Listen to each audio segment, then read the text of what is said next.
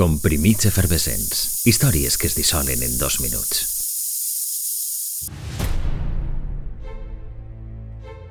Feia apenes dos mesos que havia mort el dictador i l'espenta del moviment democràtic era cada dia més eloquent.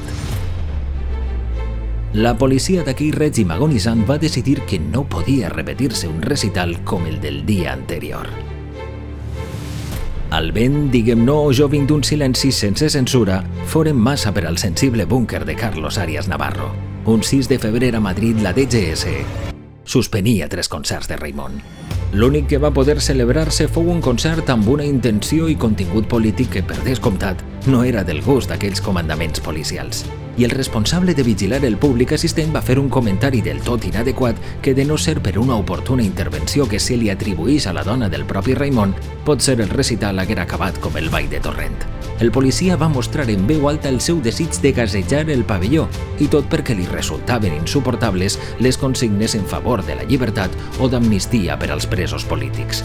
Afortunadament van suggerir-li amablement a aquell energumen que consultara abans un superior.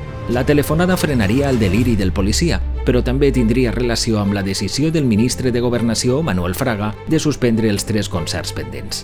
Del primer se n'edità un disc amb el títol El recital de Madrid i en la portada queda ben clar gràficament que aquell és l'únic que va poder-se gravar i que els altres tres previstos quedaren suspesos per decret un 6 de febrer de 1976.